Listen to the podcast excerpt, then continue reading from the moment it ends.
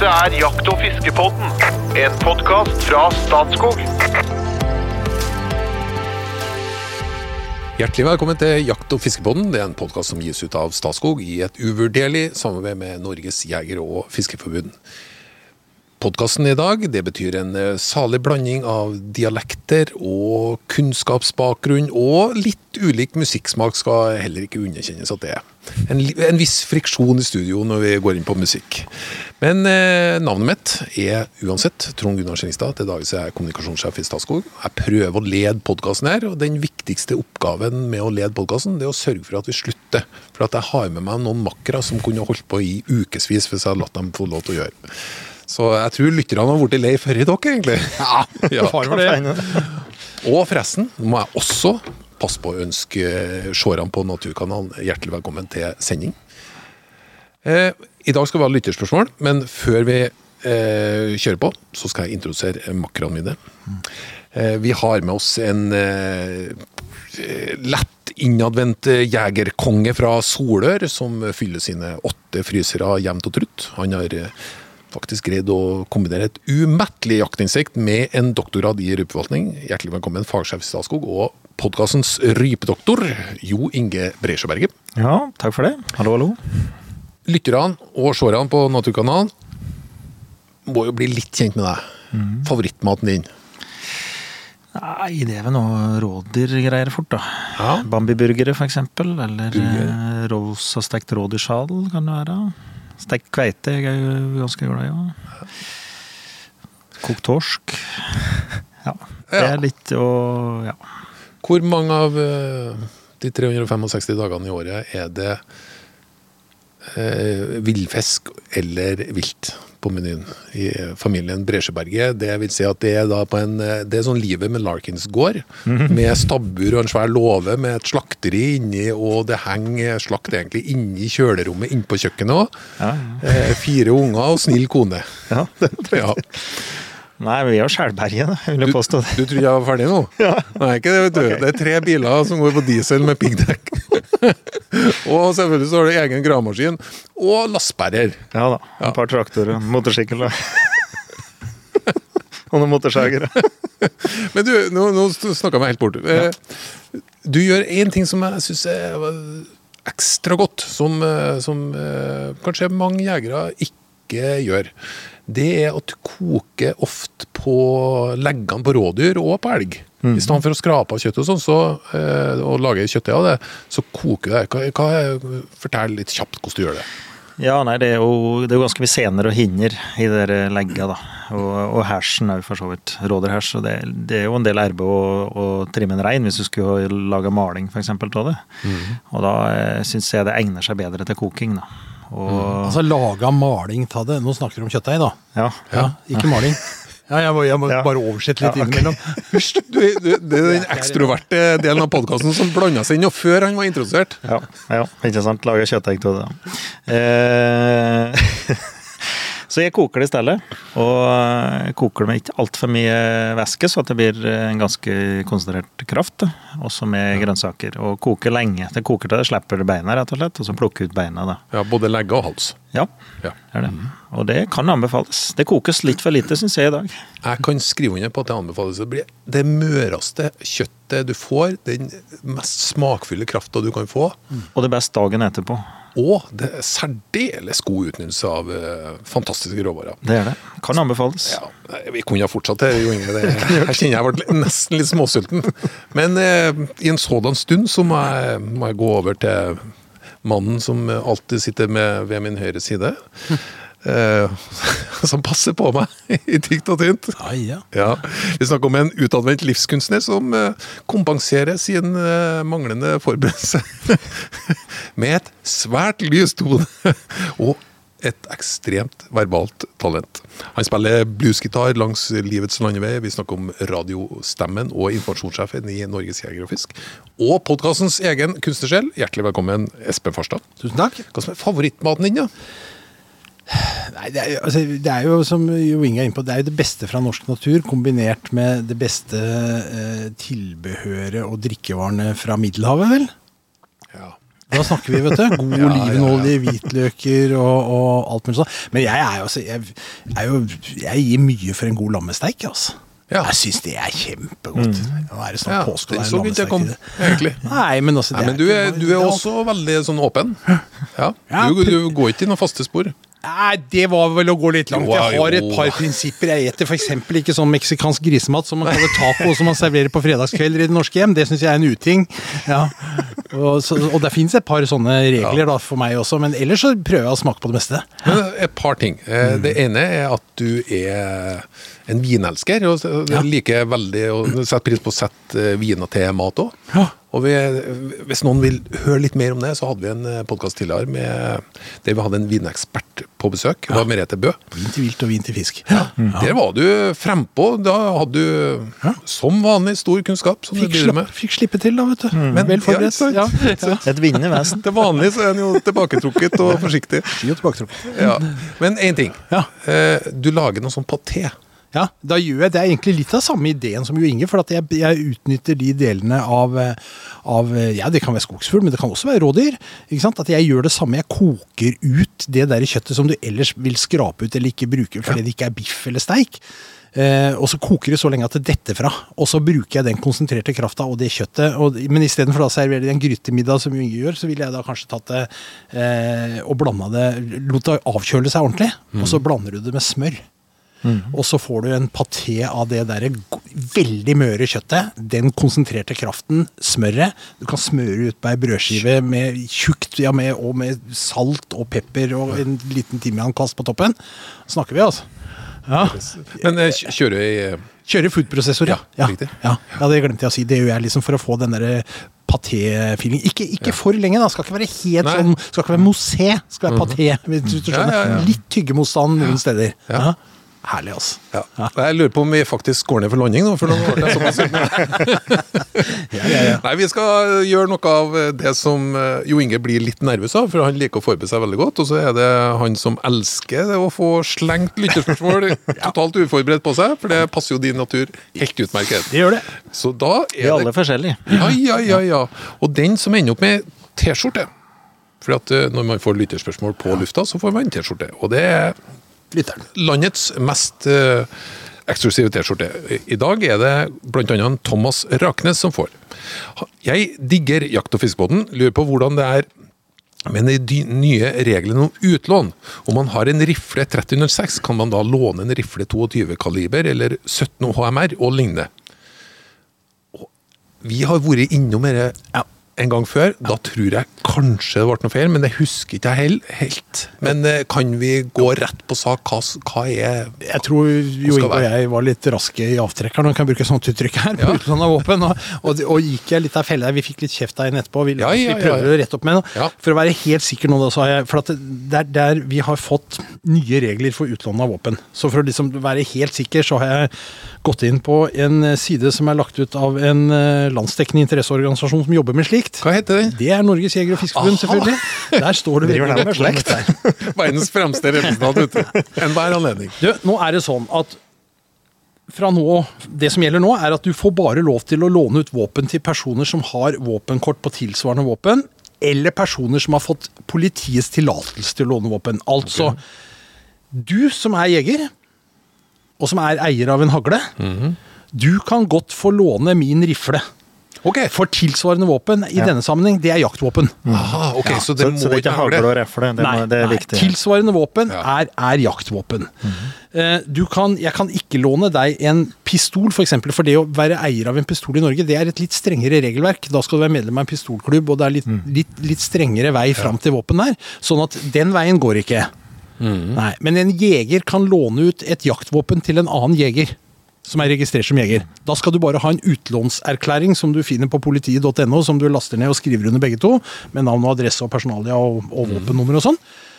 Og da kan du låne det våpenet så lenge du vil, egentlig. Før så var det begrensa til fire uker, nå, nå, nå er det så lenge okay. du vil. Ja. Så det er altså mellom jegere, kan jeg si det sånn, så Ja. er utlån av våpen nå forenklet. Enklere. Ja. Problemet starter når du ikke har våpen ifra før. da. Nei, nemlig. For da må du søke politiet, og det blir å søke om en våpentillatelse på samme måte som, som, som når du skal kjøpe et våpen for første gang. Du må, for det første må du være 18 år gammel. Hvis, ikke, hvis du er under 18 år, altså 16 år, da, kunne jo vært aktuelt, så må du for å gå på småviltjakt f.eks., så må du da ha verges underskrift osv. Så, videre, sånn. så over 18 år, du må søke politiet. Og så er situasjonen i dag slik at det er veldig, og altfor lang, våpenbehandlingstid på politikommerne rundt omkring. Sånn at her risikerer man rett og slett å bli sittende igjen i en byråkratisk suppe og ikke komme seg på jakt. Eh, ikke sant? Hvis man Det, det er rett og slett så ille at uh, det å låne våpen hvis du ikke har våpen fra før, det, det akkurat slik som regler nå, så fungerer jo ikke det. Nei. Da, da, du kan jo søke et våpen, da. Det er akkurat like omstendelig som å søke om å få kjøpe deg et våpen.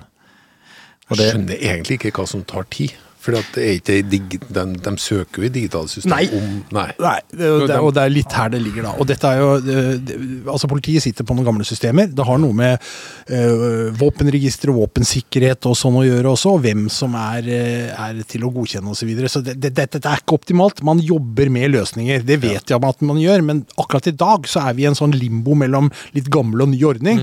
Og dette fungerer ikke. Det er som Jo Inge sier, du risikerer altså ikke kommer deg på jakt, f.eks. hvis du skal få registrert ditt første våpen og bli registrert som våpeneier, fordi det er så lang saksbehandlingstid. Det er helt uhørt, altså. Ja. og, og da sier jo Politidirektoratet at de skal prioritere førstegangsjegere. Men eh, vi hører jo eksempler både med 15 uker og 30 ukers behandlingstid. Ja.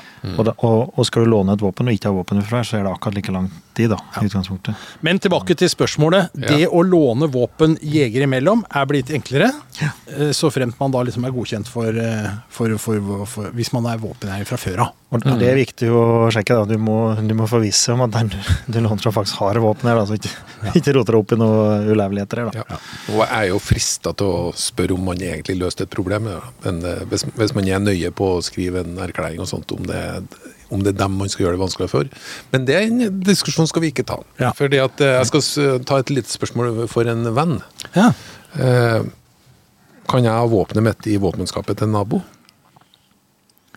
Jeg beklager at eh, Våpenet ditt, Ja. Eller må jeg ha det sjøl? det, skal det er ganske strengt, ja. Da skal du ha det hos naboen, da må du ha en utlånserklæring først. Ja. Ja. For det er ganske strengt. Eh, Det er jo regler på om du har det hytte, f.eks. Er på hytte og på våpen òg, så er det regler. Og bil er det egne regler på. Og da har du jo overlatt et våpen til en annen. Eh, Det tipper men det, nå er det tatt bare på strakene. da.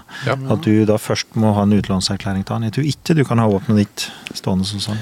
Jeg tror, Uten en jeg tror vi skal understreke at vi ikke har 100% svaret på den. For jeg mener at det har vært Det er et eller annet på gang her, Jo Inge. For dette var veldig problematisk. For sønnen min, han studerte i København.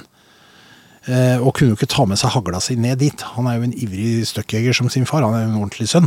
Så, så, så han Det er den andre han, som er erveløs. han andre, nei da, han er også med. Han er også med. Nei da, men, men, men han kunne ikke ha med seg hagla til København. Eh, sånn at jeg, jeg oppbevarte det i våpenskapet mitt hjemme. Eh, til jeg oppdaga at det var jo egentlig ikke lov. Nei, og så endte det endte faktisk med, og dette var før den nye våpenloven kom inn her, at uh, han solgte den hagla til samboeren min. Så det er hun som nå står som eier og har den hjemme hos oss. For at den skulle stå lovlig i våpenskapet hjemme. Men jeg mener at det skjedde en endring her som gjør at jeg kunne hatt våpenet til denne Bendik, da, min sønn, hjemme hos meg. På, på, i, for det er jo en sikker oppbevaring, ikke sant? Det står jo et Ja, ja. våpenskap trygt hjemme hos meg, men uh, Men er ikke det løst da med utlånserklæring? da? ja, kanskje For var det, det nå, er det, nå er det jo ikke noe tidsbegrensning på den lenger heller. Altså, så Men eh, til lytterne og seerne Vi sneier innom dette litt senere. Ja, ja. I en, eh, i en senere Ja, utgave, sånn at vi er helt sikre. der, altså, ja. Og før du setter våpenet i skapet til naboen, må du sjekke. Ja, ja. Eh, nytt spørsmål. Kenneth Våge. Hei, takk for en strålende podkast som har blitt en fast glede hver uke. Og den har lært meg mye. Jeg har lagt bak meg mitt første år som jeger. Som en mann i min beste alder. Eh, han definerer det til å være 39. Vi har ulike definisjoner på det. Jeg må jo det. Som en mann i min beste alder tok det en stund før jeg fant gleden ved jakt.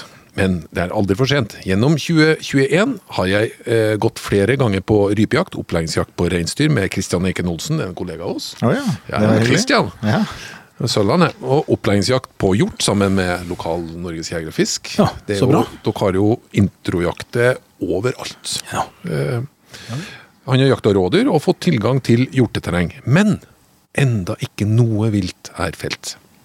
Så til spørsmålet som handler om rypejakt. Og det passer jo helt utmerket når vi har en som elsker støkkejakt, og en som faktisk er rypedoktor. Nesten rypeprofessor, men rypedoktor. Så, så. Eh, Jeg har gått mange turer og finner rypespor og avføring etter rype hver gang. Men kun én gang har jeg sett en enslig rype. Kan dere gi noen tips til å finne denne fuglen når man går alene på støkkjakt? Ligger den i skygge, eller søker den sol? Ligger den lavt ned mot trær og vier, eller søker den mot steinur og barfjell? Vil den trekke bort fra området med tursti for å søke ro, eller bryr den seg ikke? Vær så god. Eh, Skal vi, skal vi vil du innom før, før vi går til vitenskapen? Nei, nei, nei, det, la vitenskapen løse dette. Vær så god, Jo Inge. Ja, si det. Eh, Det er jo litt her tid på året vi er, og så er det selvfølgelig om det Jeg går ut fra at det er liryper han driver på med, og han sier ikke noe om det. Men jeg mistenker at det er liryper, slik han beskriver det, da. Så får vi ta Vi får sekte på det. Og det, og det varierer ganske mye gjennom året. Ok. Eh, om vinteren da, så er de eh, ja, de er i oppsøker dvergbjørk, fjellbjørk og kan sitte og beite rakler ofte. Og òg på bakken. Men da er det liksom det det går i. Og ganske litt kjedelig diett. Så kommer vi ut på våren, og du har eh, pardanning, og så får de klekker det jo noen unger her, og de begynner å tusse rundt. Og er opptatt av eh, insekter da, den første perioden. Så da er de i ganske åpne områder og litt fuktige områder, myrområder. Og, og inne De oppsøker da litt mer rike områder, da, med rik vegetasjon, altså litt mer urter, og insekter. Og så vokser de ganske kjapt her, ikke sant. Og når du kommer litt lenger ut på når vi begynner å treffe på dem, da, når vi skal jakte på dem, så går de over til en biotop som har litt mosaikk da, mellom eh, dvergbjørk og vier ofte, og, og løng, da. Altså, etter, så har litt skjul. Den kan ligge Det bør ikke være rare løgnen heller, at du klarer å gjemme noen ryper, da. okay. Men at det har litt skjul, og så og for den der mosaikken de leter etter, da. Sant? Og, og det er stort sett der vi finner dem, da. I august. Løgn og vier og dvergbjørk. Det er liksom den Hvis du skal ta ut en, en biotop som du finner ryper i, så er det ofte det, da.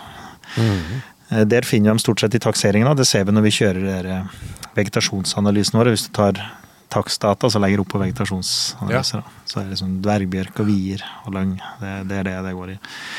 Og når du kommer litt lenger ut i september, når vi har begynt å jakte på dem, og kanskje mot slutten på september, så er de òg da mer opptatt av bær, da. Eh, Blåbær og, Ja. og krekling.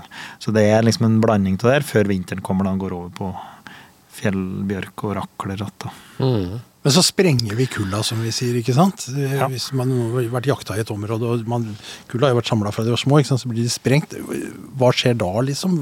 Fordeler de seg helt likt ut i terrenget, eller? Ja, ja, Er det det, på grunn av jakta? At, at de blir spredd, eller Ja, det, det, gjør er de det uansett? på- det er litt begge deler. Ja. Okay, Når du ja. kommer ut på senhøsten, så, så sprer de seg jo. da. Da har Mm. spredning. ikke sant? Og da er det, da er det hovfugler som reiser langs, da. lengst. da.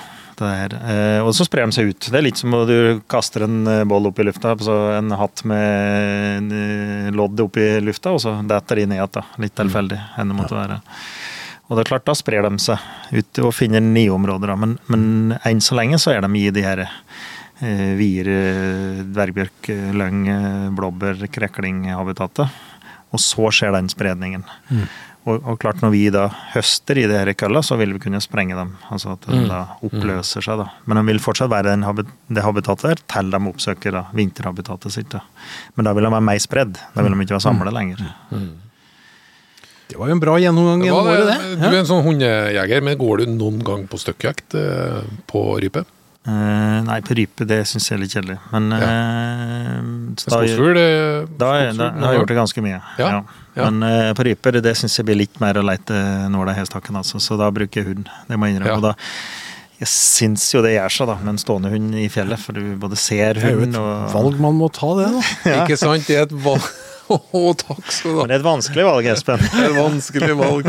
Men, nei, men før, jeg, før jeg gir dere noen vanskelige valg, så skal jeg bare si at Kenneth han tenker jo helt rett. Fordi at det å forstå forstå hva rypa er opptatt av, og hvor den finner føde, hvor den finner skjul, og, og alt det der, Ja. det er jo liksom nøkkelen inn til jakta. Jeg tror han må, ja, Det kan anbefales, da. Ja. Lese litt opp på det. Altså, tenk, tenke som ei rype her, da. Er som en rype. Ja. Og ikke bare tenke på ryper, Espen. Nei, Nei. det er sant. Valget skval. Eh, Espen først. Eh, Den jeg ser seg sjøl på deg, spesielt på deg. Alltid støkkjakt eller alltid posteringsjakt? Nei, det er alltid støkkjakt i så fall.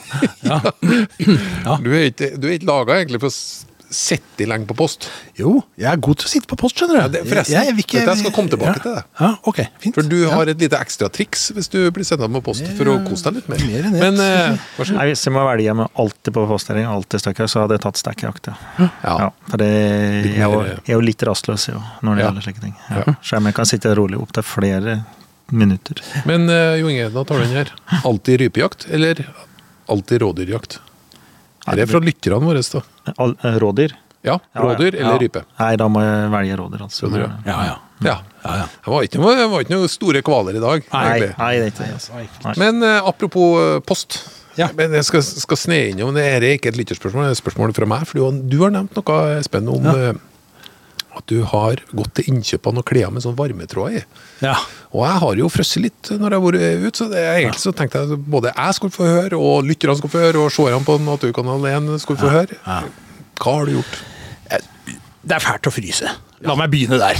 Ja, Det er fælt å fryse. Det er rett og slett kaldt, og det er guffent. Og så blir du eh, Men det kan du jo tåle. Eh, vi, altså, vi lever jo i en sånn velstandsboble at vi er jo aldri ordentlig sultne, aldri ordentlig trøtte, aldri ordentlig slitne og aldri ordentlig kalde. Så det å kjenne litt på det noen ganger er egentlig bare Da kjenner du at du lever. Ja. Det er helt greit.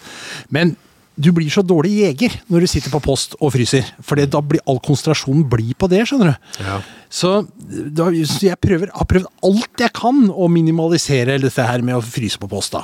Og Det handler jo om klær, god lue Jeg har kjøpt meg noen sånne scootervotter fra Sverige som er som, Og de er, så, de er både store og varme, men også så du kan trekke hånda rett ut hvis Ja, ja, det skjer noe. ikke sant? Veldig bra. Eh, Jeg har altså, alt du kan tenke deg, og til slutt så beit jeg litt i det. var litt vondt eple å bite det, da. Surt og fælt og det der. Og så kjøpe meg en, eh, et, et, en batteriklær. Ja, det begynte ja. med at jeg kjøpte batterisåler. Ja.